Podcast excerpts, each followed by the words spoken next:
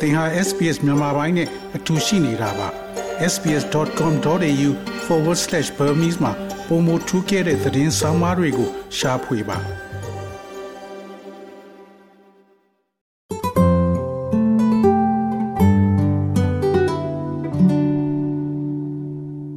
ော်ရရှိမြကိုယနေ့တင်ဆက်ပေးမှာကအောက်တိုဘာလ2ရက်တနင်္လာနေ့အတွက် SBS Newsflash သတင်းများဖြစ်ပါတယ်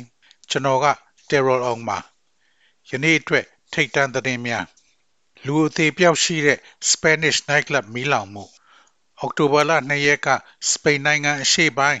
Mauritius ရှိ nightclub တစ်ခုတွင် ဖြစ်ပွားခဲ့သောမီးလောင်မှုအားကယ်ဆယ်ရေးဖွဲ့များက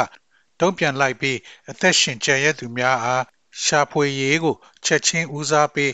လှုပ်ဆောင်နေတယ်လို့စပိန်အာဏာပိုင်များကပြောဆိုပါတယ်။ Founder Malagos nightclub တွင် မီးလောင်မှုဖြစ်ပွားပြီးနောက် အနီးနားရှိ ကလပ်များသို့ပြန့်နှံ့သွားခဲ့ပြီး အနည်းဆုံး လူ73ဦး သေဆုံးခဲ့ပါတယ်။အပူချိန်မြင့်မားမှုနဲ့ပြိုကျနိုင်တဲ့အဆောက်အဦအန္တရာယ်ကြောင့် ရဲတပ်ဖွဲ့ဝင်များသည် မီးလောင်မှုဖြစ်ပွားရသည့် အကြောင်းရင်းကို ရှာဖွေရန် မရရှိနိုင်သေးဘူး ဖြစ်နေပါတယ်။အနီးနားရှိ ကလပ် ၃ ခုအနက် တစ်ခုဖြစ်သော Founder Milagros Nightclub တွင်သေဆုံးသွားသူများကို တွေ့ရှိခဲ့ရပြီးကလပ်ရဲ့ခေါင်မိုးပြိုကျမှုကြောင့်သေဆုံးသူများကို ရှာဖွေရခက်ခဲစေတယ်လို့ဒေသခံရဲများကပြောဆိုပါတယ်။လူ၁၄ဦးထက်မနည်းရှာဖွေမရသေးကြောင်းနဲ့သေဆုံးသူအရေအတွက်တိုးလာဖွယ်ရှိကြောင်းရဲတပ်ဖွဲ့ကသတိပေးထားပါတယ်။ Marcia Jose Ballester German ၏မြို့တော်ဝင်က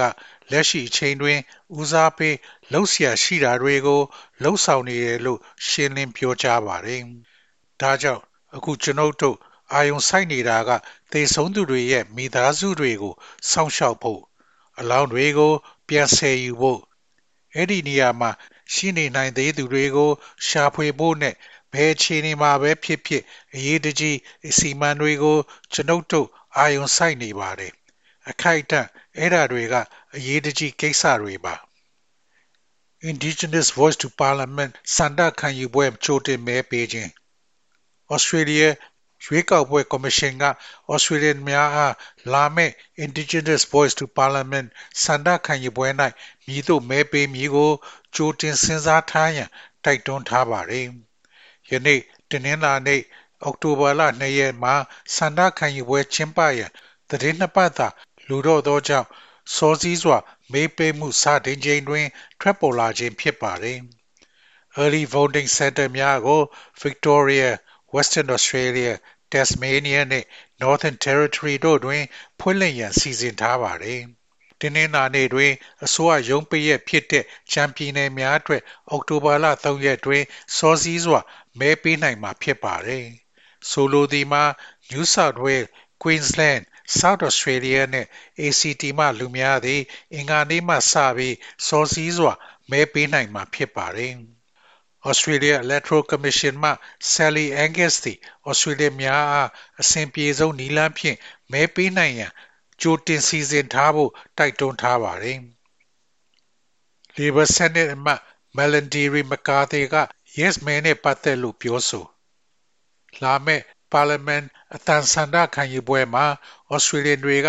Yes ပေးမယ်လို့ယုံကြည်ကြောင်း Labor အထက်လွှတ်တော်အမတ် Melandri McCarthy ကအောက်တိုဘာလ2ရက်ကပြောဆိုလိုက်ပါတယ်။တင်းနှင်းလာနေ့အောက်တိုဘာလ2ရက်သည်စန္ဒခံယူပွဲကျင်းပရန်သတင်းနှစ်ပတ်သာလိုတော့သောကြောင့်စန္ဒခံယူပွဲအတွက်ယနေ့ early voting စောစီးစွာမေးပေးမှုစတင်ချိန်တွင် ပြောဆိုလိုက်ခြင်းဖြစ်ပါတယ်။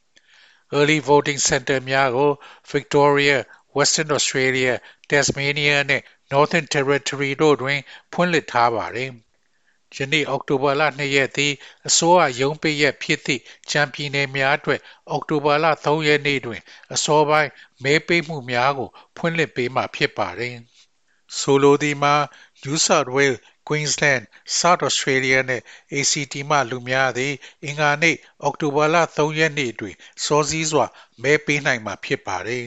။ Indigenous Voice to Parliament အတွက် သိသိသာသာ ထောက်ခံမှုရနေတယ်လို့ Miss McCarthy က ပြောဆိုပါတယ်။ကျွန်ုပ် Sarah မြောက်ပိုင်းနယ်မြေကို ဖြတ်ကျော်ပြီး ကျမတို့အတွက် မဲပေးမှုတွေ စတင်ခဲ့ပြီးပပြီးခဲ့တဲ့အပတ်ကလည်း ဝေးလံခေါင်ပြားတဲ့ ဒေသဆိုင်ရာ ဩစတြေးလျကို ဖြတ်ပြီးကျမသွားခဲ့တဲ့နေရာဖြစ်တဲ့အရှေ့မြောက်အာနန်လန်မှာရှိတဲ့ထူဘီအာလန်မှာတွေးခဲ့တဲ့နေရာတိုင်းမှာမယုံနိုင်လောက်အောင် voice အတွက်အားပေးထောက်ခံမှုတွေရှိနေပါတယ်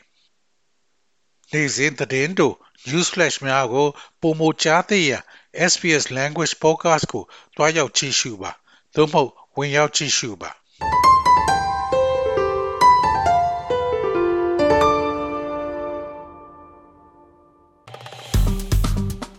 SPS မြန်မာပိုင်းကို Facebook ပေါ်မှာ like ရှာပြီး like မျှဝေမှတ်ချက်ပေးပါ